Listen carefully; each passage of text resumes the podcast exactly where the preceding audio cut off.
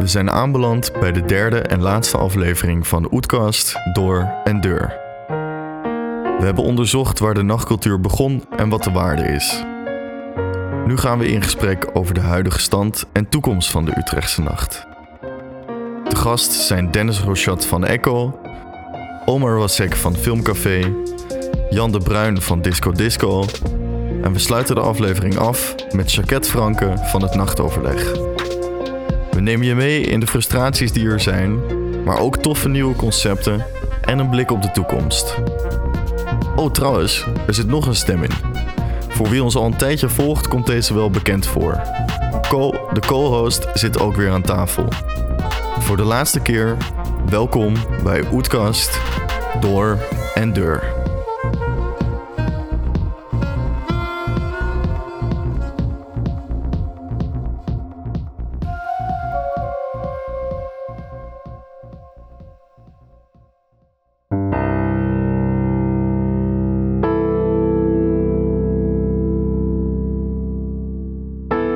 Eerste gast van deze aflevering is Dennis Rochat. Hij werkt als nachtprogrammeur voor het poppodium Echo. Ik kan jou nu al gaan uitleggen wat dit precies is, maar dat kan Dennis zelf een stuk beter. Ehm, wat betekent het om nachtprogrammeur te zijn? Nou ja, eigenlijk in de meest letterlijke zin van het woord is het zo eh, dat ik verantwoordelijk ben voor, bij Echo in ieder geval, voor ongeveer 150 ehm, nachtproducties per jaar. En dan verantwoordelijk meer op de inhoudelijke eh, invulling daarvan. Dus de muzikale lijn eh, die we daarmee neerzetten. En het, ook het concreet boeken van de artiesten. Afhankelijk van ehm, met wie en wat we samenwerken. Maar het is eigenlijk globaal gezien ja, de, de muzikale inhoudelijke lijn. Die zet ik uit en bewaak ik, om het zo maar te zeggen. Dat die binnen de door ons gestelde kaders, eh, dat die daar binnen blijft. En wa- wat zijn die kaders eh, bij Echo? Nou, die kaders bij Echo zijn eigenlijk. ehm, ik vind het belangrijk dat, dat voor de stad waar we in zitten, dat zie je Utrecht, dat het eh, in principe redelijk toegankelijk moet zijn. En toegankelijk kan je op meerdere manieren kan je dat, eh, dat benoemen. Ik vind toegankelijk als een ticketprijzen vind ik, vind ik belangrijk. Dus geen, geen programma's die, die 20, 30 euro kosten voor entree vragen. Maar ook ehm, op het gebied van, v- van verschillende soorten eh, geluiden en genres. Dat daar binnen een week en binnen een programma dat er voor iedereen wel wat wils is. Dus voor, voor mensen die van meer eh, popmuziek houden, bijvoorbeeld. Maar ook mensen die van, van eh, house houden. Maar ook mensen die misschien voor iets stevigere dingen houden. Of iets obscuurdere dingen. Dat ze allemaal ergens in een programma, een maand van Echo, dat ze wel eh, terecht kunnen. Dus, dus daarin die toegankelijkheid van je programmering, dat voor ieder, ieder Utrechter in principe wat wils. Of tenminste, streven we naar. In de vorige aflevering was een van de punten die vaker terugkwam dat er meer in de breedte geprogrammeerd zou moeten worden. Een van de nieuwste concepten in de nacht is Freaky Dancing. Een experimentele nacht waar een bijzonder verhaal achter zit. Wij vroegen aan Dennis hoe deze avond tot stand is gekomen. Nou, Freaky Dancing is eigenlijk een, eh, een concept bedacht door, eh, door mijn collega-programmeur Dirk Baart. Ehm, die heel erg geïnspireerd is geraakt door de Hacienda in eh, Manchester, uit mijn hoofd. Dat is een, ja, nee, jullie kennen het. waar dus inderdaad ook live muziek, punk, postpunk, eh, DJ's elkaar eigenlijk non-stop en kunst afwisselden eh, in een naadloze avond. Eh, en waar het, ja, eigenlijk dat en dat, dat hij was heel erg door geïnspireerd, eigenlijk die koppeling beeldcultuur aan muziek. En ook de koppeling dus live eh, muziek aan, DJ's.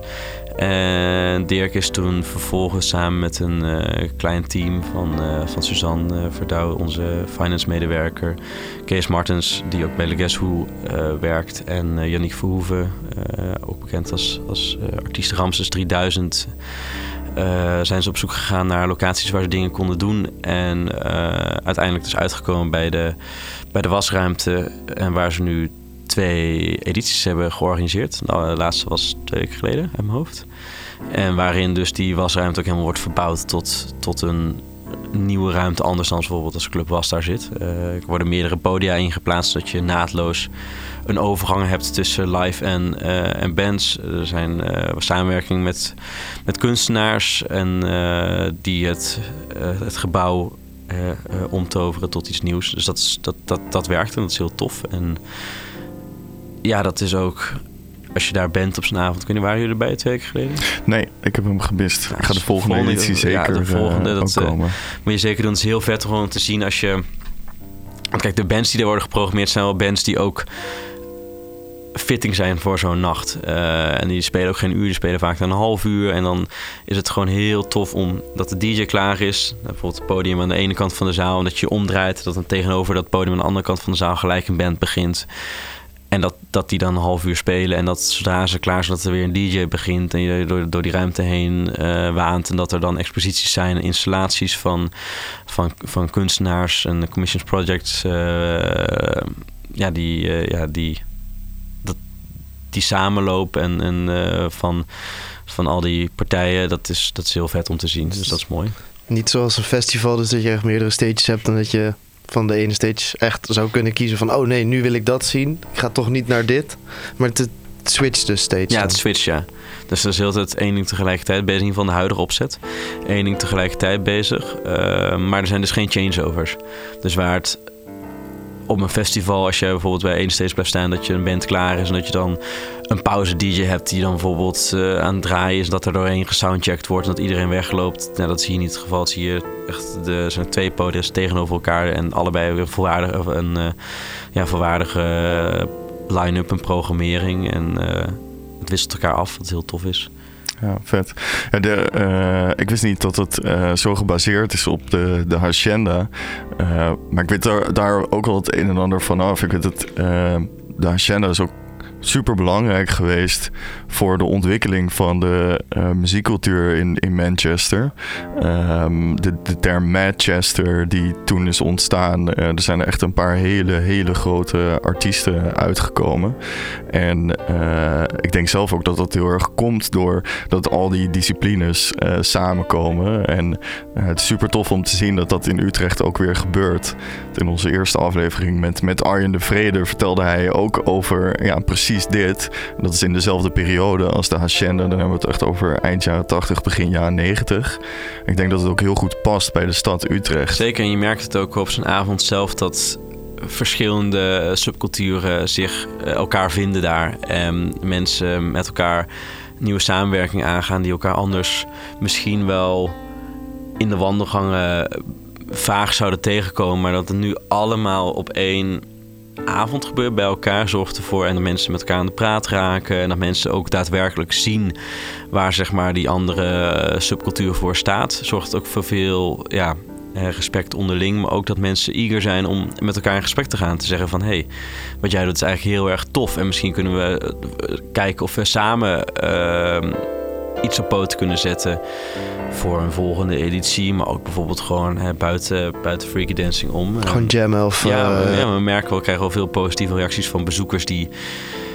Uh, maar ook in, ook in een soort van nog een, een simpelere vorm uh, concertbezoekers die normaal, normaliter alleen een concert gaan, die in één keer zeggen van, oh, ik zag daar die artiest, was echt heel vet. Ik wist niet dat een DJ-set zo vet kon zijn. En andersom. Je opent echt ogen dan voor mensen. Ja, dus dat is heel, heel tof. En het is inderdaad blij en fijn dat dat hier in Utrecht uh, nu weer op zo'n manier gebeurt. Ja, het is super inspirerend. Ja.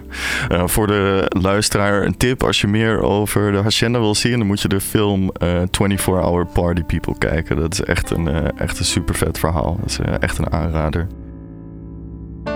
De periode van de vrije vloer, waar we met Arjen over hebben gepraat, is dus nog steeds een inspiratiebron voor de programmeurs van nu. Wat in de tweede aflevering ter sprake is gekomen, is de nachtvisie waar de gemeente nu aan werkt.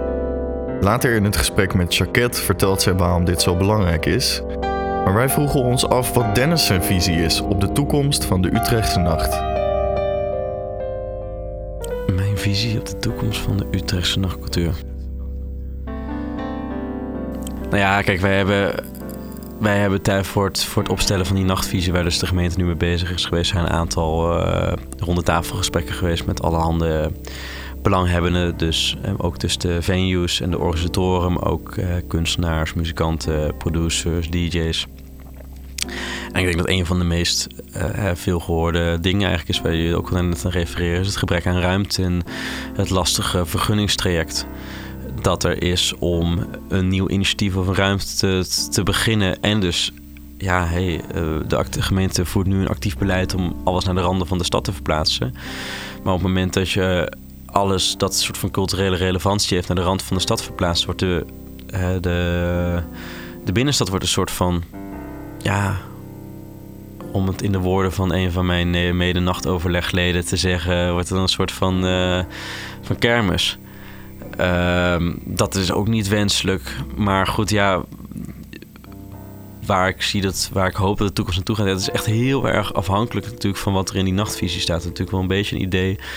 Um, hopelijk wordt die volgens mij dit jaar nog gepresenteerd. Weet ja, niet dat is wel de bedoeling in ieder geval. Dat het in december ja. uh, volgens mij gepresenteerd wordt. Het is heel erg afhankelijk wat daarin staat en hoe erg de gemeente een eigen visie gaat, gaat handhaven van waar wij naartoe gaan. Ja, je hoopt natuurlijk dat, dat de nachtketen hier net zo sterk wordt als de popketen. In de zin van, hè, wat ik net zei, je begint bij AQ, dan ga je misschien naar Ecuador, dan naar de Helling, dan naar Pandora, dan naar de Ronda, dan naar uh, Nou ja, dan kan je de stad uit, maar uh, naar een AFAS formaatzaal.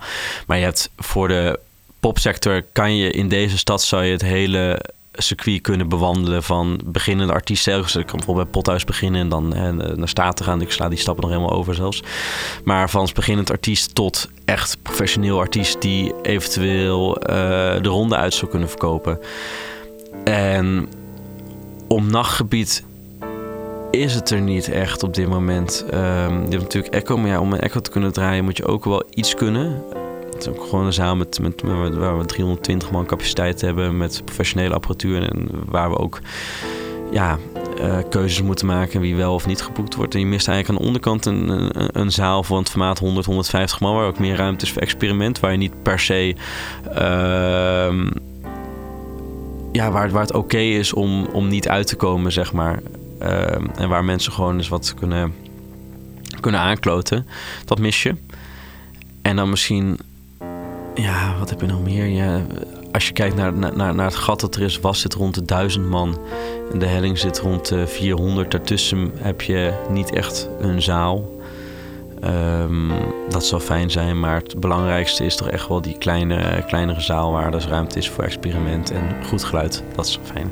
Ja. Um, dat is altijd lastig bij dat soort uh, wat meer tijdelijke uh, locaties, ja. goed geluid. Ja, maar je hoopt inderdaad ja, dat, dat, dat dat muzikanten die hele doorstroom kunnen maken. Zodat ze ook hier blijven. Dat is ook gewoon... Kijk, een ding in Amsterdam is waar veel mensen daar naartoe gaan. Dat natuurlijk daar een heel groot gedeelte van de Nederlandse scene, quote-unquote, zich bevindt. Maar ook omdat je in Amsterdam wel heel veel clubs hebt waar je eventueel zou kunnen spelen en ervaring kan opdoen. En hier in Nederland, of hier in Utrecht, heb je maar een enkele plek waar hij ervaring kan opdoen. En als jij bijvoorbeeld als artiest zijn op het punt zit dat je de kleine zalen wel weet hoe het werkt, maar dat je nog moet leren hoe het is om eh, een, uh, een openingsslot of een primetime slot in een 800 man zaal te draaien. Je hebt hier in Utrecht gewoon niet zo heel veel plekken daarvoor om dat te kunnen leren. In Amsterdam des te meer. Dus uh, ja, ik hoop dat die keten wat sterker wordt. Dat is een beetje. Als die keten sterker wordt, dan groeit de rest mee, denk ik. En we hebben nu natuurlijk wel, kijk, de NAR is nu sinds een tijdje open. Uh, ook relatief lage capaciteit, was met 250 man max. Uh, waar het geluid op zich wel goed is. Komt als het goed is, heb ik me laten vertellen ook dit weekend een nieuwe PA in te hangen. Dus ik ben heel benieuwd. Um, die ook, uh, NAR is nu ook langzaam bezig met eigen programmering uit aan het rollen. En gesprekken aan het voeren met partijen in de stad uh, om daar dingen te organiseren. Dus dat er, er, gebeuren wel dingen en dat is wel heel fijn. En ook die plek, je ziet het, staat ieder weekend staat het vol. En het is ook niet zo dat het bij Echo ondervinden bijvoorbeeld ook geen concurrentie aan. Want wij staan ook ieder weekend vol. En als je door de stad heen fietst en je dan gaat langs, I don't know, langs uh, Janskerk fietsen is staat ook ieder weekend vol. En hier staat het ieder weekend vol. De carwash de car ook helemaal vol. ieder weekend vol. Uh, weet je, alles staat gewoon ram en ram en ram vol. Um, en als je gewoon ergens om één uur niet bent, of kwart over één, dan kom je in principe bijna nergens meer binnen is natuurlijk heel mooi, maar dat is ook schrijnend. Want het laat ook wel zien van hé, hey, er is behoefte uh, aan iets nieuws. Maar ja, waar en wat en hoe. het zou fijn zijn als, als, als het verkrijgen van een vergunning... dat het uh, makkelijk zou zijn voor, voor, uh, voor, voor culturele ondernemers. Maar wat ik wel zou kunnen... Uh, kijk, dat, dat zou natuurlijk fijn zijn. Maar wat je nu gewoon vaak ziet is dat... Wat denk ik ook een groot probleem is, is dat het, het winstoogmerk bij veel, ehm, veel projecten dat dat voorgaat op, op uh, voor ja, eigenlijk zwaarder weegt dan de maatschappelijke functie van een bepaald object in de stad. En ik snap het als een, een private investering, een, een, privaat kantoor uit, uh, uit de grond stamt of eigendom is ergens van, ja, dan hebben ze er natuurlijk iets over te zeggen, want zo werkt onze maatschappij. Maar uh, het, ik vind het lastig om te zien als gebouwen heel lang leeg staan of bewust leeg worden gehouden om, om de prijs omhoog te krikken. Dat daar niet dat de gemeente niet meer middelen heeft om te zeggen van leuk, maar als dit pand twee of drie jaar leeg staat, dan uh, vanaf dan mag, uh, is die eigen schuld. En dan uh, mag er bijvoorbeeld voor een jaar of voor twee jaar mag er experimentele horeca in, bij wijze van spreken. Ja, dat soort zaken, dat zou ik dan wel, als ik de vergunningafdeling zit, kan je dat natuurlijk niet regelen, want je voert alleen maar uit. Maar dat zou wel dingen zijn die ik hier graag zou willen zien in de stad. Ook Dennis ziet dus een gebrek aan ruimte en breed programma in de nachtcultuur. Het maatschappelijk belang van de nacht ligt ook onder druk door de hoge inflatie en stijgende energiekosten. Levi van de Helling gaf aan dat een van de gevolgen kan zijn dat er meer lokaal geprogrammeerd moet worden, in plaats van duurdere internationale boekingen. Wat voor maatregelen worden er bij Echo genomen om hun toegankelijkheid toch te bewaken? Nou ja, kijk, ik zit hier natuurlijk allereerst vanuit mijn rol als, als, programmeur, niet, uh, niet vanuit financiën. Um, dus ik krijg eigenlijk in principe te horen van dit is het programmabudget dat je hebt voor een avond en succes ermee. Maar het is inderdaad wel zo, ja, je merkt wel dat de, het model waarmee je werkt dat onder druk staat. Nu is het echo wel zo. Je zit over het algemeen is de slag artiesten die je boekt, in ieder geval hoe, hoe, wij het insteken met de programmering, nog net iets aan de, aan de onderkant. Vergeleken met, uh, met de helling, waar ze bij de helling, ook omdat ze een grotere capaciteit hebben, vaak nog wel een, een, het budget hebben voor een slag grotere artiesten. Zitten wij voornamelijk. Nou, de duurste artiest die wij zullen boeken op een avond kost max 500 euro vaak. Uh, uitzonderingen daar gelaten voor speciale avonden. En heel vaak werk je met lokale eh, DJ's die tussen de 150 en 200, 250 euro werken. Dus dat is wel redelijk, redelijk behapbaar. En het past ook denk ik ook bij de uh, formaatzaal die we hebben en de positie in de stad. Maar je merkt wel hè, dat daardoor kunnen we onze entreeprijzen laag houden. Maar wat je wel natuurlijk merkt is, hey, de, de horecaprijzen worden wel gewoon duurder. Uh, een biertje is bij ons nu denk ik 3 euro. Dat was pre-corona 2,80 euro, denk ik. Dus dat is ook gewoon weer bijna ja, 10% erbij. En dan, dan, dan uitgaan is, is duur. Ja, dat, kijk, ik, bijvoorbeeld afgelopen weekend was ik uh, bij, bij, uh, op ADE bij een niet nauwelijks te noemen festival... waar ik 6 euro heb betaald voor een, een broodje met erop een kroket en een, en een, en een scheut mayo. Ik kan het zo meteen even aan jullie laten zien. Maar dat, toen dacht ik wel van, oeh, dit is allemaal echt heel erg duur. En inderdaad, als je kijkt op een festival, een muntje 3 euro, 3,50 euro. Dan krijg je een, een lullig bekertje bier voor ja, het is niet meer. Uh, eigenlijk iemand aan, een, een, een bezoeker aan je binden. Dat ze week in week uit in je club staan. Dat is heel lastig, omdat het gewoon. Het is uitgaan is heel erg duur. En ja, dat merk je wel. Dus je bent ook je bent constant. Eigenlijk ben je constant weer nieuwere bezoekersgroepen aan te boren. Want uh, je moet er niet blindelings op vertrouwen dat bezoekers iedere week terugkomen. Dat ze. Ja, financieel gezien ja, is dat is niet te doen. Ik, uh, afgelopen zomer was ik op, op Lowlands een van de dingen die mij daar opviel is dat het publiek echt een, stuk ouder was dan de editie dat ik ervoor uh, was. Um, de editie daarvoor uh, was het volgens mij letterlijk zo dat ze gemiddeld jongste publiek ooit hadden. En deze keer, nou, ik, ik weet niet wat het cijfer is van het gemiddelde publiek, maar het was zeker een stuk ouder dan dat. En ik heb zelf ook het idee dat dat voor een groot deel te maken heeft met de hoge kosten.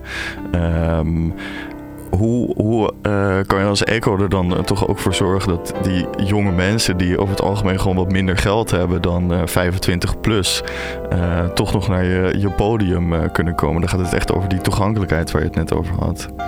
Ja, buiten lage ticketprijzen kan je helaas niet zo heel veel doen. We, Horeca-wise zijn we gebonden aan ja, de contacten die we hebben, die alle andere podia ook hebben. Dus als uiteindelijk bijvoorbeeld jouw bierleverancier zegt van hey, we, de bierprijs wordt met 3% verhoogd.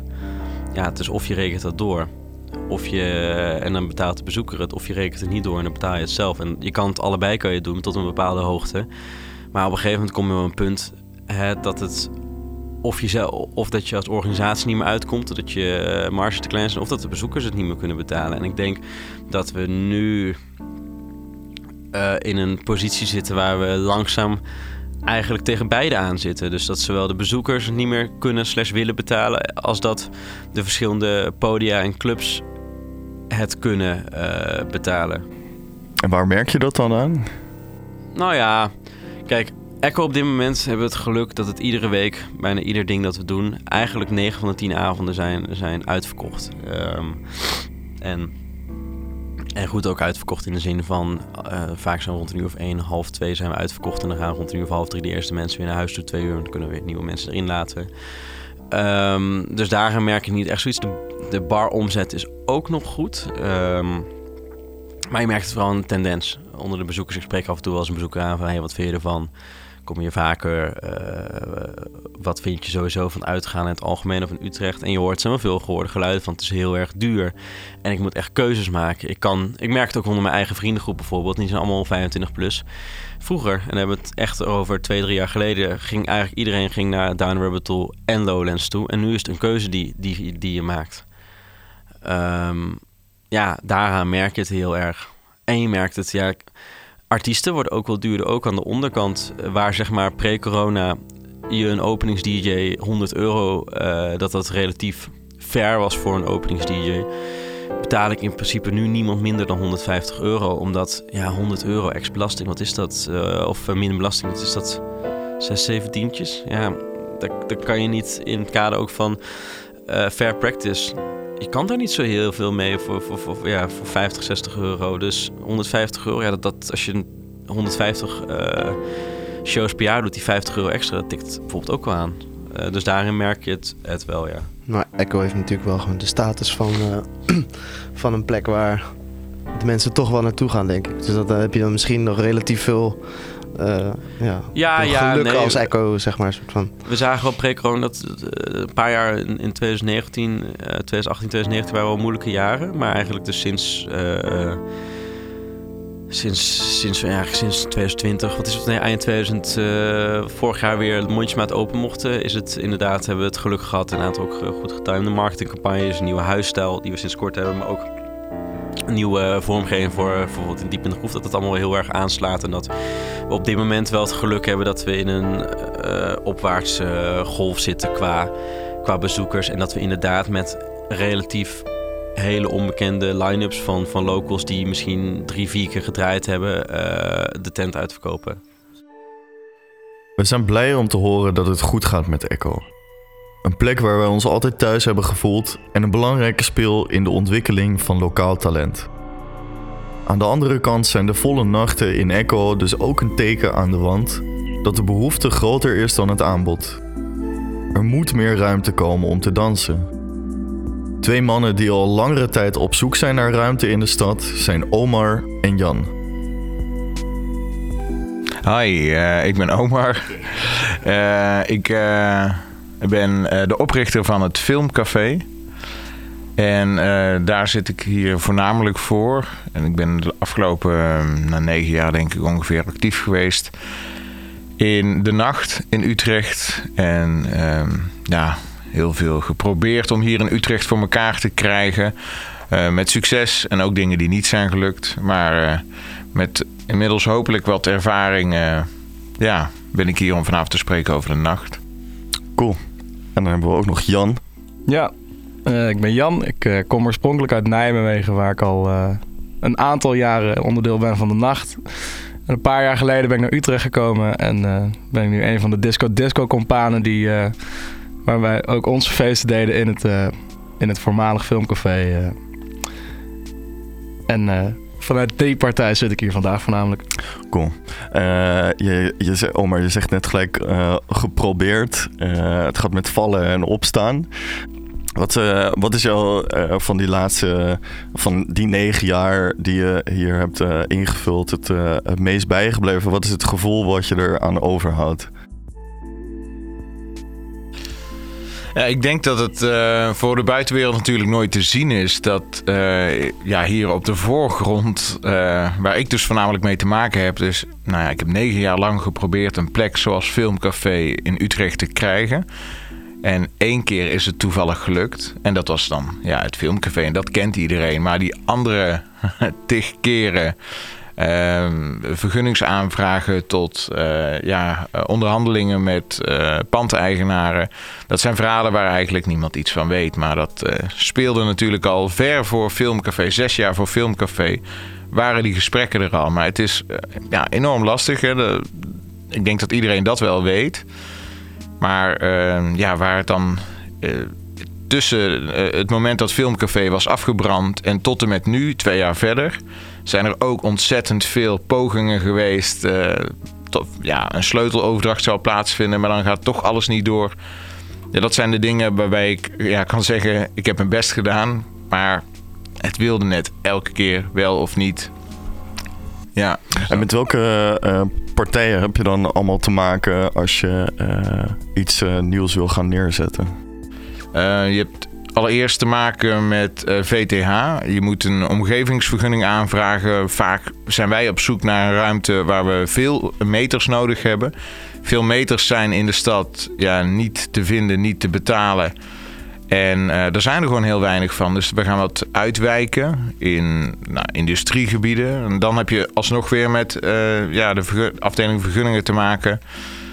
En dan kom je voornamelijk eigenlijk met de gebiedsregisseur in contact, uh, soms met een wethouder, om daar een afwijking van bestemmingsplan te organiseren. Ja, dat, daar loopt al vaak spaak. Dat is stap 1. Daarna ja, moet je aan de veiligheidseisen van een pand denken. En dan kom je ook weer met eh, VTA in contact. De buurt, uh, ja, waar kom je nog meer mee in contact voordat je zoiets eh, kan organiseren? Ja, met uh, verhuurders. En die verhuurders zijn, nou, dat kan iedereen zijn. Dat kan een, een man uit Nieuwegein zijn die een loodsvrij heeft. Maar dat kan ook Club zijn hier, die het hele winkelcentrum domineert. En ja, meer te zeggen heeft in onze stad dan de gemeente Utrecht, heb ik het idee soms. Het zijn hele verschillende, diverse partijen met meer en minder macht. Ja, want eh, Club uh, daar ben je volgens mij uitvoerig mee in contact geweest het afgelopen jaar. Um, en is uiteindelijk ook weer vastgelopen. Ja. kun je eens vertellen hoe dat proces is gegaan? Um, nou ja, we zijn in contact gekomen met Clupière en ze hadden veel bewondering voor het filmcafé. Het leek hun een fantastisch idee als wij ons zouden vestigen hier ergens uh, ja, rond het Centraal Station. Ze hadden daar een mooie ruimte voor. En uh, zelfs tegen mijn zin in op dat moment wouden ze heel graag een zaal aan me laten zien. Waarbij ik uh, al zei van, ik heb, ja, sorry, ik heb echt geen tijd. Ik ga niet het hele winkelcentrum doorstruinen om hier voor een plek voor filmcafé te zoeken. Wij zijn op zoek naar iets rauws, industrieels. Uh, niet in het hoogkaterijnengebouw. Ja, daar wil je niet zitten. En hij heeft me toch overgehaald om even mee te gaan. Dus we zijn naar een oude ja, naar een oud bioscooppand gaan kijken. En het was echt fenomenaal. Oh, dat, dat, had, dat, zag ik niet aankomen. Het was een zijdeurtje in een steegje... waar vroeger de heroïne-junks hier op het station uh, hingen. Een heel smal deurtje en je komt uit in een gigantisch grote zaal... met 12 meter hoge plafonds, 900 vierkante meter, met een vide. Nou ja, we waren verliefd. Dus uh, vanaf dat moment zijn wij in gesprek gegaan met Clipier om uh, ervoor te zorgen dat daar een uh, huurovereenkomst zou komen. Die kwam. Althans, er was een huurovereenkomst onder voorbehoud van directie. Maar in Nederland mochten ze dat niet beslissen. Dat moest in Parijs. daar zit de directie die daar uiteindelijk over beslist. Dus nou ja, we hebben daar een jaar lang eh, van alles aan gedaan. Omgevingsvergunning aangevraagd, onderzoeken gedaan, geluidsrapporten laten samenstellen. En dan was het moment aangebroken dat de vergunning was goedgekeurd en de sleuteloverdracht kon plaatsvinden. En op dat moment, toen die vergunning was goedgekeurd, trok Clipper zich terug. En ja, we schrokken daarvan van hé, we, hebben ontzettend veel kosten gemaakt in al die tijd. We hebben afspraken op papier staan, weliswaar onder voorbehoud, maar er kwam een andere partij tussen gefietst, letterlijk, uh, Rosecycle. En ja, die hebben natuurlijk veel meer geld. Commerciële partijen. Bedoel, als een cultuurbestemming op deze locatie mogelijk is, dan denkt Clipier van nou, er valt wat te halen. Dus, uh, nou ja, afwimpelen, dat filmcafé. Er komt een, ja, een fietshal in. Dus daar zijn ze nu mee bezig. En wat, wat bedoel je met afwimpelen van het cultuurbestemmingsplan? ja. Ja, de, de, de, de, locatie heeft nu eigenlijk een cultuurbestemming. Het is weer uh, met ontzettend veel moeite uh, ja, hebben we dat voor elkaar gekregen dat daar weer een cultuurbestemming op zit. En nu moet die cultuurbestemming eraf. Nu moet het weer sport worden. Ja, daar waren ze bij de gemeente natuurlijk ook niet heel blij mee. Maar uh, ik weet niet of de gemeente daar zo heel makkelijk aan gaat meewerken. Maar voor ons is het wel duidelijk dat wij met Clipier eigenlijk geen. Uh, ja, we willen daar echt geen zaken mee doen. Dat is echt een uh, partij waar wij ons niet lekker bij voelen. Omar weet als geen ander hoe moeilijk het is om een ruimte te vinden in deze stad. Waar Dennis eerder al aangaf dat de commerciële belangen vaak boven het maatschappelijk belang gaan, komt dit in het verhaal van Omar dus ook weer terug. Na de brand van het filmcafé verloor Disco Disco hun vaste locatie. Jan vertelt ons hoe het hen afging in de zoektocht naar een nieuwe plek om het feest te kunnen organiseren. Uh, nou ja, het is natuurlijk uh, in de brand gevlogen tijdens corona, eigenlijk net en. Dus uh, we waren toen eigenlijk al bezig met: oké, wat wordt dan de nieuwe locatie? En uh, toen zijn we al vrij snel in gesprek geraakt met, met Tivolo hier. En um, ondanks dat we wel al gelijk zoiets hadden van ja, het is toch een stuk minder rauw, uh, zijn we dat wel aangegaan. En hebben we hier, uh, ik geloof, twee of drie edities gedaan. En toch merk je al gauw met zo'n plek als Filmcafé dat je, daar, dat je aan je feest echt helemaal je eigen identiteit kan geven. Uh, wat dat betreft is zo'n zo'n locatie Filmcafé super kneedbaar. En, dan kun je dat helemaal naar, naar jezelf toe trekken. En dan kun je ook uh, in je vormgeving uh, ben je vrijer. In je programma ben je vrijer. In je rampprogramma ben je vrijer. In je productie ben je vrijer. En hier bij Tivoli uh, is het al heel gauw gewoon een Tivoli-feestje. Um, dus dan zijn we gaan verder kijken. En op dat moment ja, miste er zo'n locatie eigenlijk. Je hebt, je hebt Echo was een optie. De Helling is een optie. Basis was een optie. En verder wordt het lastig. De nijverheid is geen optie, want daar, gebeuren, daar, daar kan wat dat betreft te weinig.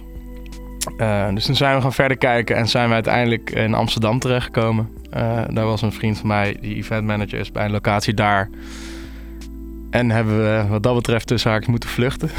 De biezen gepakt. De biezen gepakt, ja. ja. ja. En dat is heel jammer, want uh, we zijn natuurlijk Utrecht based en we hadden hier, of hebben hier het grootste deel van onze achterban zitten. Um, dus we willen nu heel graag terug. En heb je, heb je het idee dat die achterban wel met jullie meereist naar Amsterdam? Uh, nee, ja, deels. Uh, er is altijd wel een deel waarvan je weet van, goh, die, die zijn echt vanuit Utrecht gekomen. We hebben ook nog wel een stukje achterban uit Nijmegen zitten, want daar komen Thijs en ik uh, allebei vandaan. Um, maar je ziet wel, als je terugkijkt naar de foto's uit Filmcafé en de foto's van onze feest in Amsterdam, ja, dat zijn echt wel tot verschillende groepen mensen. Ja. ja.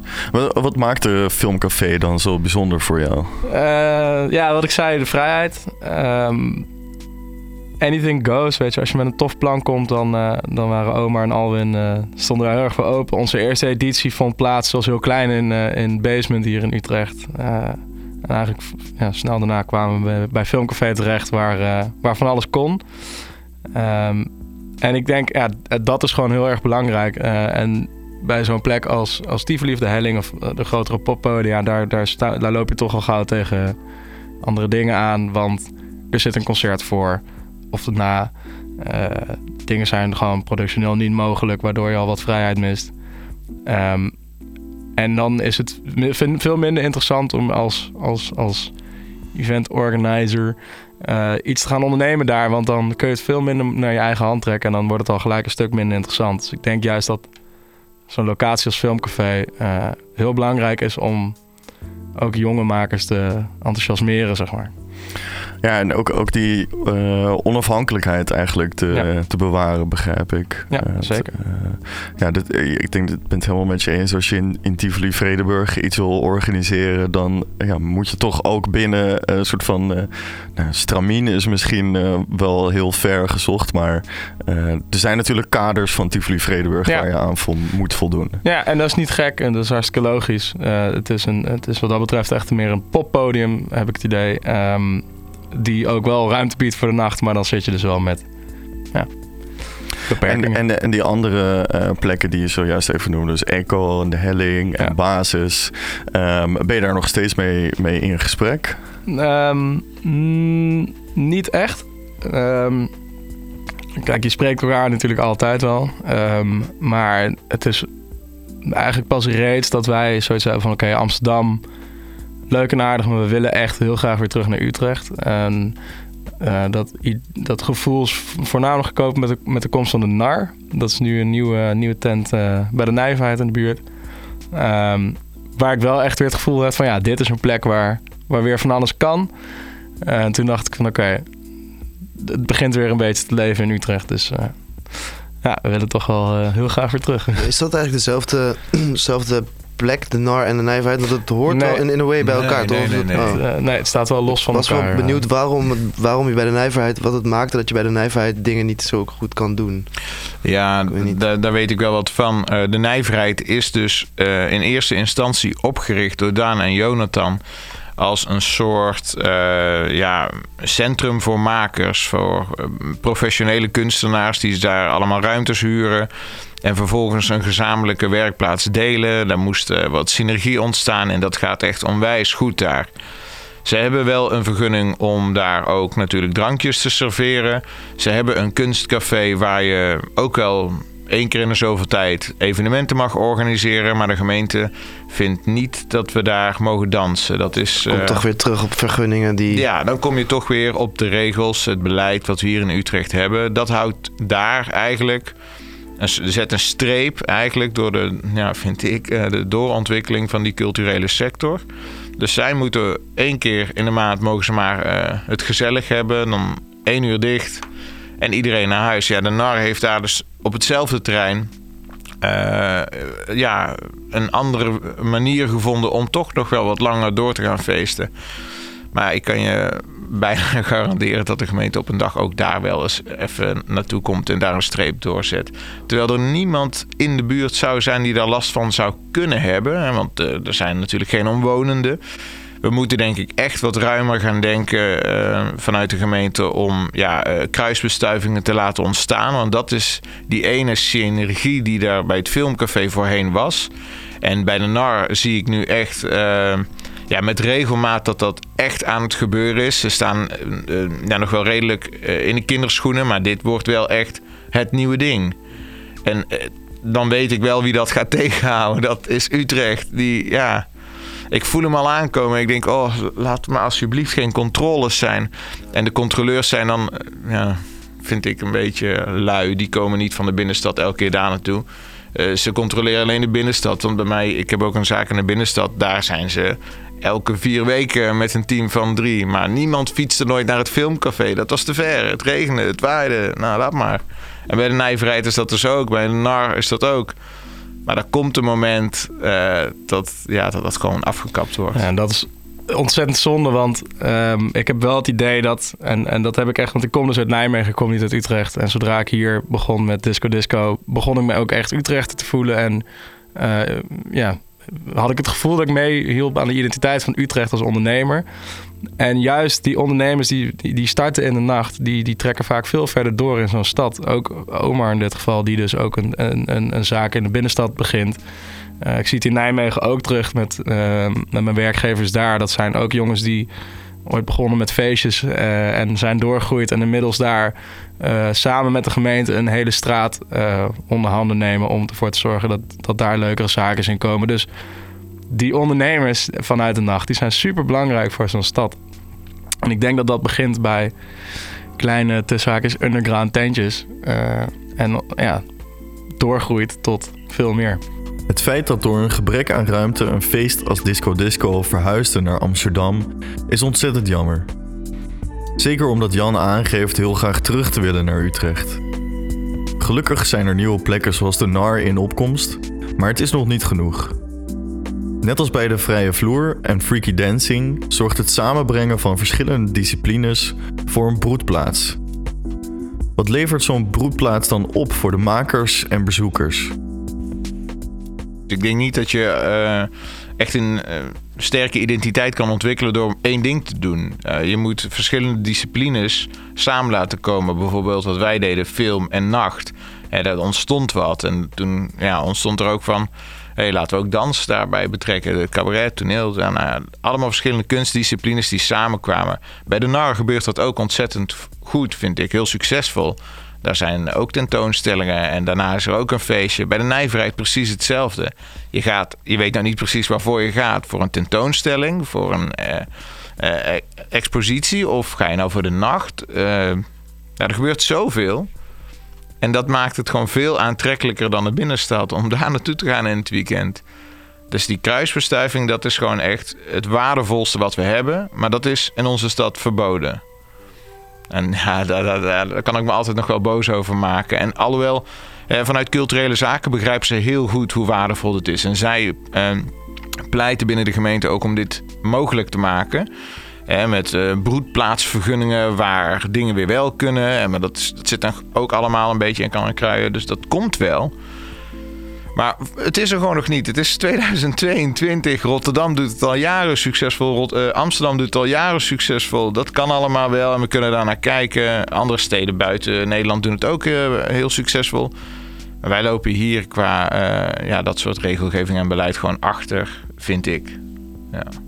Ja, en dan nogmaals, dat soort plekken zijn katalysatoren voor nog meer makers. En, um, en, en, zodra dat meer gaat leven, dan, dan gaat de stad meer leven. En dan wordt dat ook een autonoom proces. En uh, het is gewoon helemaal, het is voor het ecosysteem gewoon zo ontzettend belangrijk dat er dit soort plekken zijn. Hoe klein ze ook zijn. Dat, dat gaat groeien met de jaren en daar komen mooie dingen uit. Ja, ik denk ook eh, de, eh, in de eerste aflevering hebben we het ook nog heel erg gehad over hoe dat soort plekken ook gewoon een soort opleidingsinstituten zijn. Dus uh, um, dat bij de vrije vloer wat eigenlijk op dezelfde locatie zat als, uh, als uh, kapitaal nu, in het paardenveldgebouw. Uh, dat daar licht- en geluidtechnici gewoon heel erg praktisch aan het leren waren. En dat een van die gasten is nu de, de vaste, ik weet niet meer of het nou licht- of geluidstechnicus was, maar die, die toert gewoon al jaren mee met Bjork de hele wereld over. Zo'n beetje de grootste alternatieve popact van de afgelopen decennia. Meerdere technici ook die op allerlei plekken terecht waren gekomen via zo'n katalysatie. Ja, absoluut. absoluut. Uh, dat zie je dagelijks nog. Hè? Dat de mensen die bij het Filmcafé destijds organiseerden, hebben nu allemaal banen in, in, in deze sector. Hè? Op festivals. En kijk, bij Disco Disco zie je hoe dat geëxplodeerd is. Uh, als ik nu een festivalboekje open doe, waar dan ook, ze staan erin ja, dat, al die jongens hebben daar denk ik ook gewoon, die halen daar gewoon uh, ja, hun brood ook uit, weet je wel. Dat is ook wel iets wat zo'n kleine plek kan doen voor de stad. En dan groeit dat echt heel erg snel. Dus we hebben niet veel nodig. We hebben gewoon, laten we zeggen, vijf uh, plekken nodig waar dingen mogen. That's it. Dat is het gewoon. Dat is wat de gemeente voor ons kan doen. En wij fixen de rest. Dan zijn we er. Maar ja, zolang we dat niet voor elkaar krijgen, dan uh, ja, ja, dan uh, begin je uh, kroegjes in de binnenstad. Uh, dan ga je speciaal bier verkopen. En dan word je... Ja, je moet ook aan het eind van de maand je huur betalen. Dus ja, dan worden we steeds platter. We vallen misschien in herhaling. Maar het belang van dit soort plekken moet benoemd worden. De wethouder van cultuur probeert zich hard te maken voor de nacht. En Omer ziet ook dat er binnen de gemeente een verandering is ontstaan. Wat door de jaren heen ook is veranderd, is de krakerscultuur. Bijna alle Utrechtse poppodia zijn ontstaan vanuit de krakerscultuur. Maar tegenwoordig worden culturele ondernemingen vaak ingezet om kraken te voorkomen. Filmcafé is hier ook een goed voorbeeld van. Zij zaten anti-kraak in een locatie die eigendom was van de NS. Hoe kijken Jan en Omar aan tegen deze ontwikkeling? Ja, je zit, je zit daar, wat dat betreft zit je tegenwoordig echt midden in het gentrificatieproces waar zo'n ruimte waar, waar Filmcafé zat, eh, leeg staat, eh, met een wijk eromheen die opgewaardeerd moet worden. Ehm, en dan krijg je de ruimte als creatief maker en dan vervolgens eh, wordt de grond te veel waard en dan, ja. Ja, dat is helemaal oké, weet je wel. We hebben gewoon met die mensen van NS afgesproken.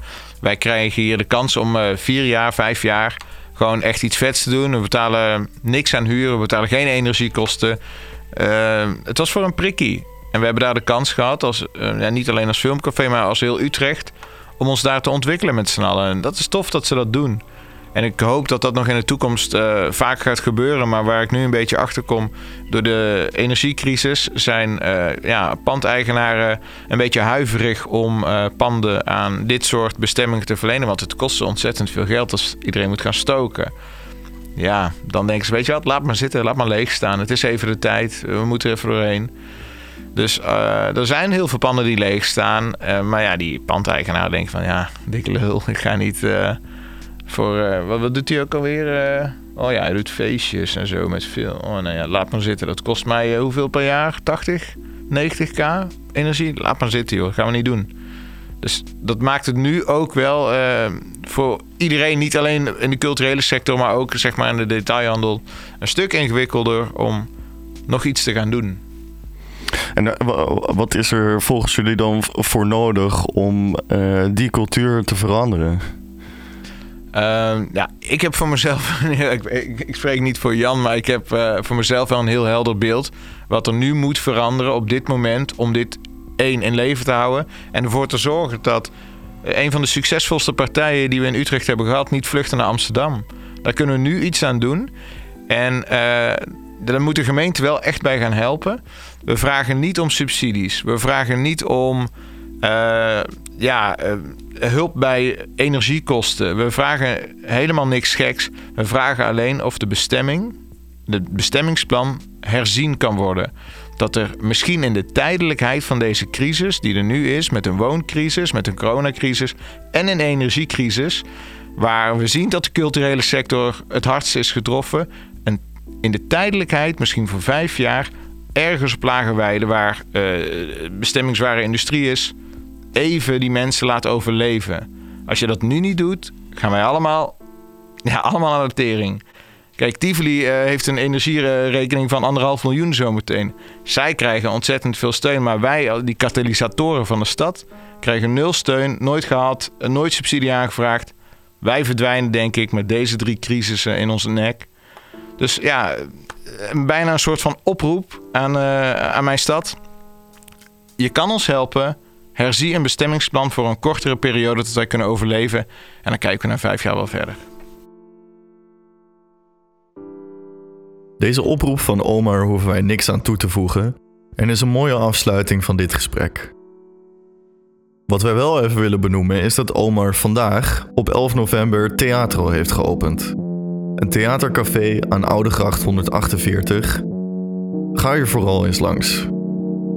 Waar Omar dus een duidelijke visie heeft op wat er nodig is in de sector, heeft onze volgende gast een belangrijke rol in de connectie tussen de visie van makers en de gemeentelijke visie.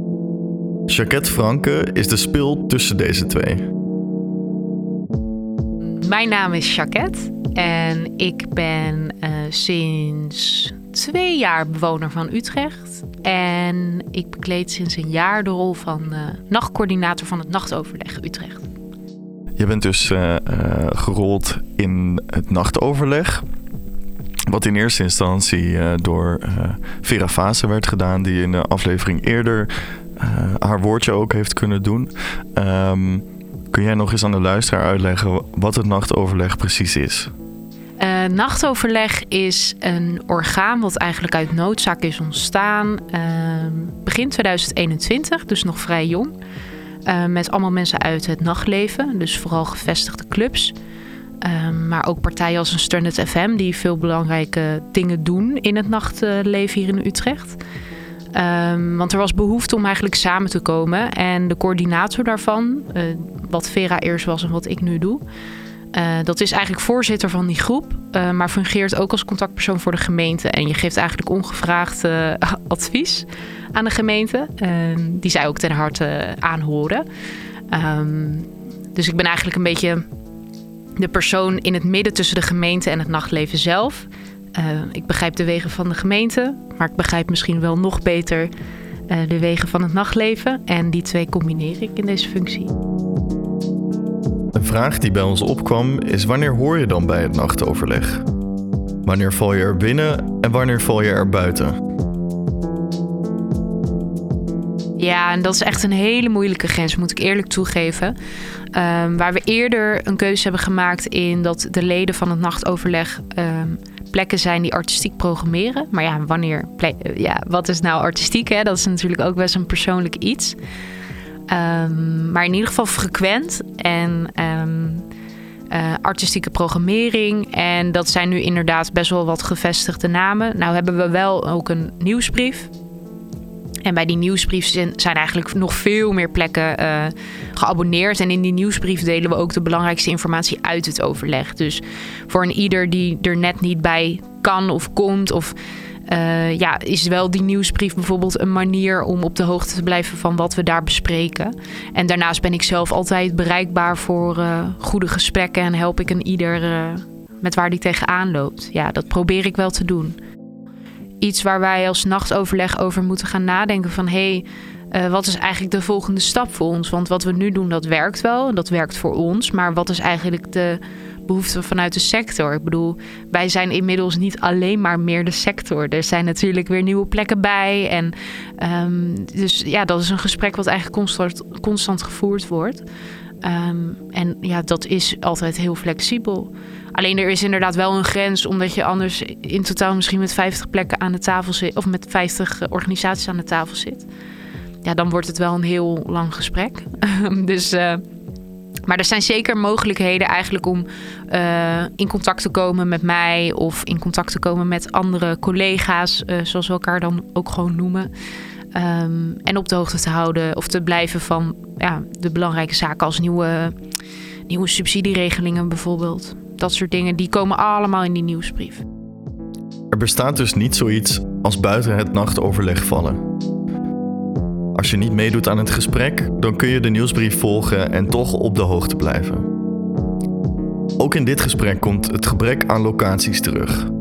Hoe kijkt Jacquette hier eigenlijk tegenaan vanuit haar positie in het nachtoverleg? Uh, wat je ook ziet is eigenlijk bij al het nieuws wat eigenlijk de afgelopen twee jaar is ontstaan, dat uh, is bijvoorbeeld vrij toegankelijk, dus heel laagdrempelig, want je hoeft geen geld te betalen om binnen te komen. Ja, dat de drukte die bij die plekken, maar ook de drukte bij de plekken waar je wel voor betaalt, ja, dat geeft natuurlijk gewoon aan dat er heel veel behoefte is om te dansen. Um, en wat ook belangrijk is om in het achterhoofd te houden, is dat elke groep ja, andere wensen heeft. Dus voor jou is een avond in de Echo helemaal te gek. En ik denk, nou, op mij niet gezien hoor. Maar het is belangrijk dat het uh, voor iedereen, zeg maar, een plek is. Um, en, en dat kan gewoon niet elk weekend hier in Utrecht. En het zou nou toch zo mooi zijn als dat nou op een gegeven moment wel het geval is. Om dat te bereiken is er een duidelijke visie op papier nodig vanuit de gemeente. De nachtvisie kwam al eerder ter sprake en Jacquette kan hier alles over vertellen. Wat is dit precies en waarom is de nachtvisie van belang? Ja, uh, de gemeente Utrecht en dan de afdeling culturele zaken is eigenlijk dit jaar begonnen met een nachtvisie.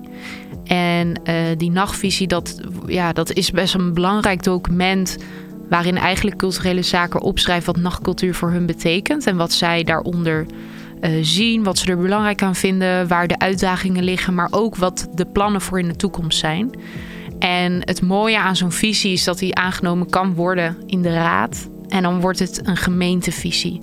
En dat is eigenlijk waar we naar streven. Dat dus niet alleen. Kijk, we hebben al één wedstrijd gewonnen. Dat is dat culturele zaken ons niet meer als horeca ziet, maar als cultuur. Dus we horen er echt wel weer een beetje bij.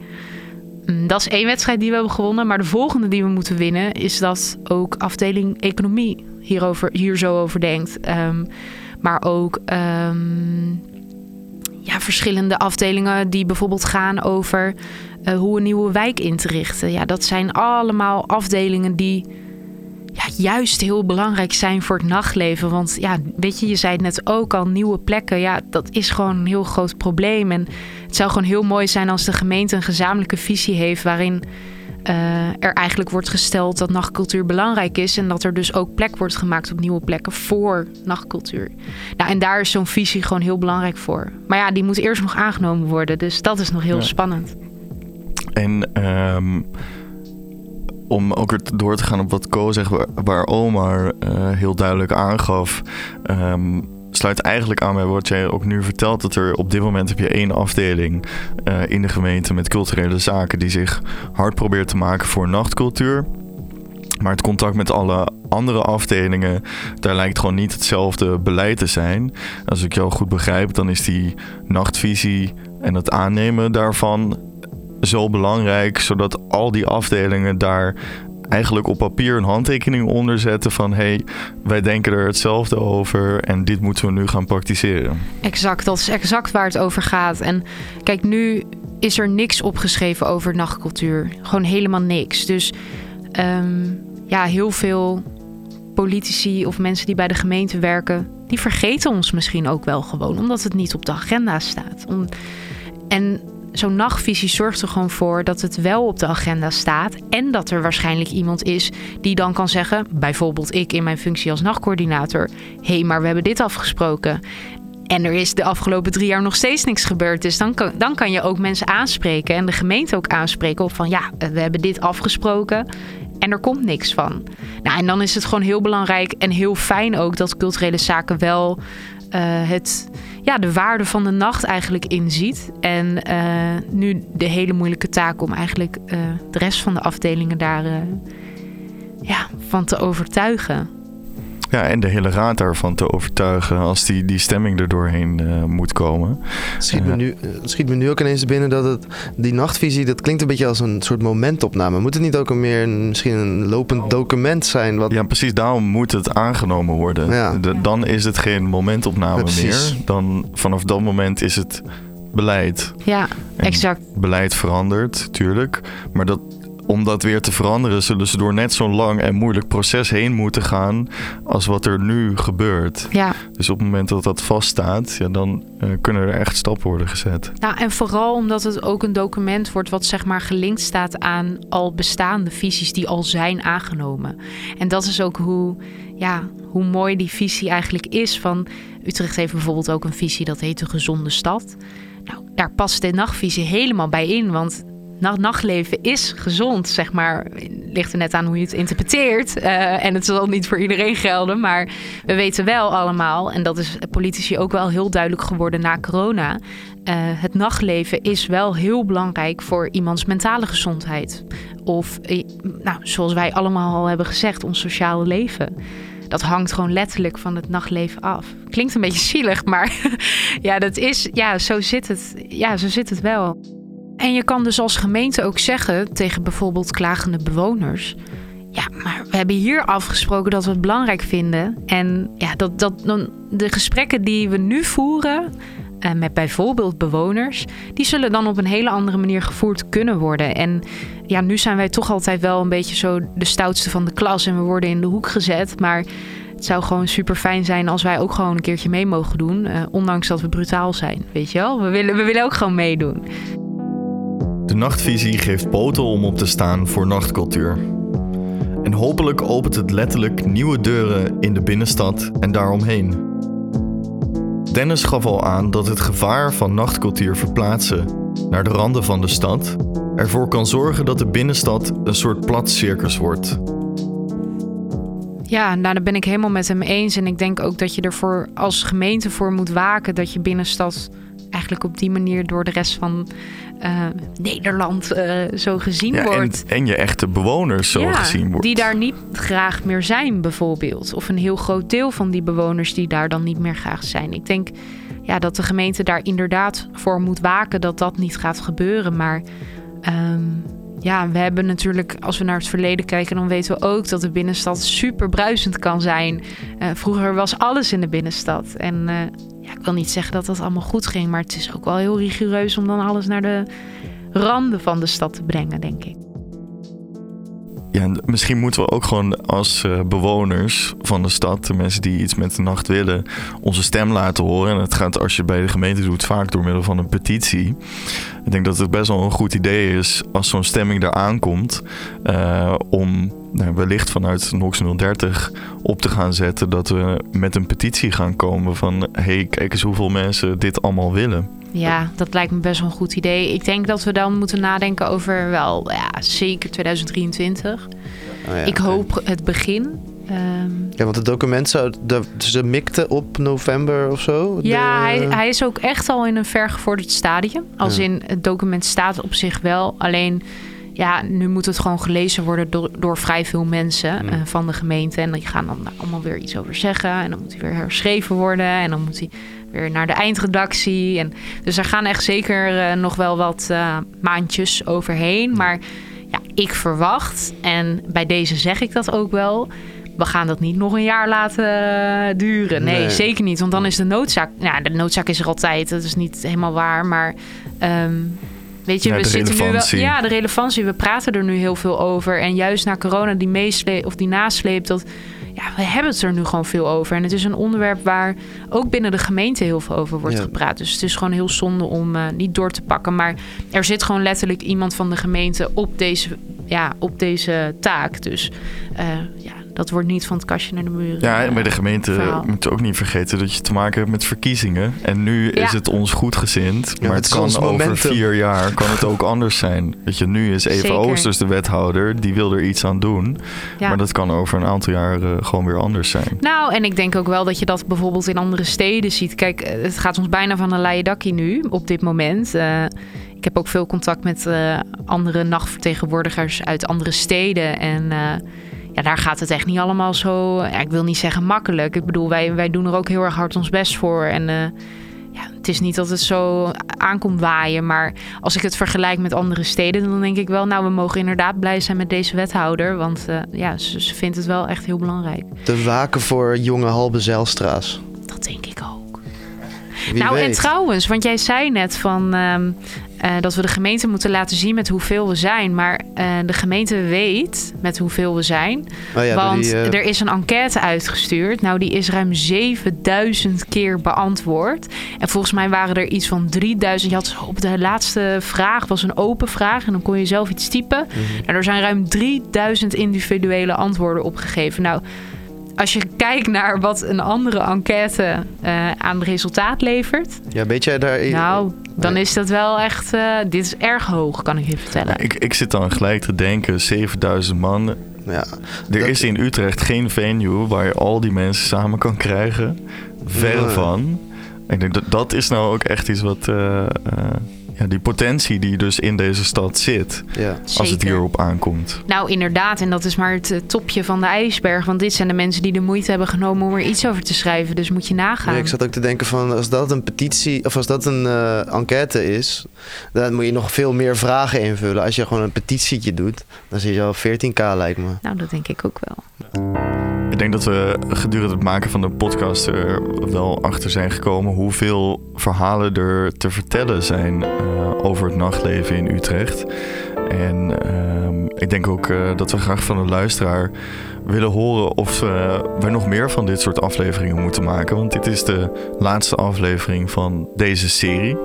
Ehm, maar ik, we hebben bijvoorbeeld nog helemaal geen gesprek gehad met eh, artiesten uit het nachtleven of eh, simpelweg de bezoekers in het nachtleven. Dus laat ons weten eh, wat je nog meer zou willen horen. Welke verhalen moeten wij vertellen? En wellicht gaan we dat in de toekomst dan verwezenlijken. Je hoort het. De laatste aflevering, dus is het tijd om dit hoofdstuk af te sluiten. Als eerste willen we alle gasten die hebben meegewerkt aan deze serie ontzettend bedanken voor hun openheid, uitgesproken meningen en pleidooien voor de Utrechtse nachtcultuur. Tivoli Vredenburg voor het openstellen van Studio Pandora voor de opnames. Job Kind voor de artstijl. Hier is nu een supervet t-shirt van uitgekomen in samenwerking met Stex en dus te vinden in de winkel aan de Nobelstraat 16. Lorenzo en Cosimo Gentili, bedankt voor de muzikale toevoeging. En Lorenzo ook nog eens als productieman achter de schermen. Jacquette Franke als initiatiefnemer van Nox 030 en aanzetter van dit project. En tot slot jij, de luisteraar, die met ons is gedoken in het verhaal van de Utrechtse nacht. Hiermee sluiten we Oetkast door en deur af. Voor nu.